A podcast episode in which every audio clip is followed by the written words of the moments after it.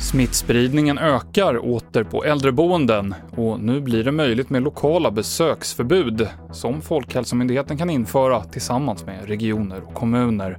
Men det är inte främst besöken som ökar på fallen på äldreboendena. Det säger Johan Karlsson som är generaldirektör på Folkhälsomyndigheten. Orsakerna till smittspridningen på särskilda boenden har varierat, men vi ser ingen tydlig bild av att just besöken är drivande i smittspridningen generellt. Däremot verksamhetsfrågorna, det vill säga vi har sett att spridningen på sina håll kan ha förvärrats av till exempel hög personalomsättning och bristande följsamhet till basala hygienrutiner. Mer om de här lokala besöksförbuden på tv4.se. Och Region Västernorrland larmar om att många självtester för covid-19, 800 de senaste två veckorna, inte lämnas in för analys eller inte hämtats ut när de väl bokats.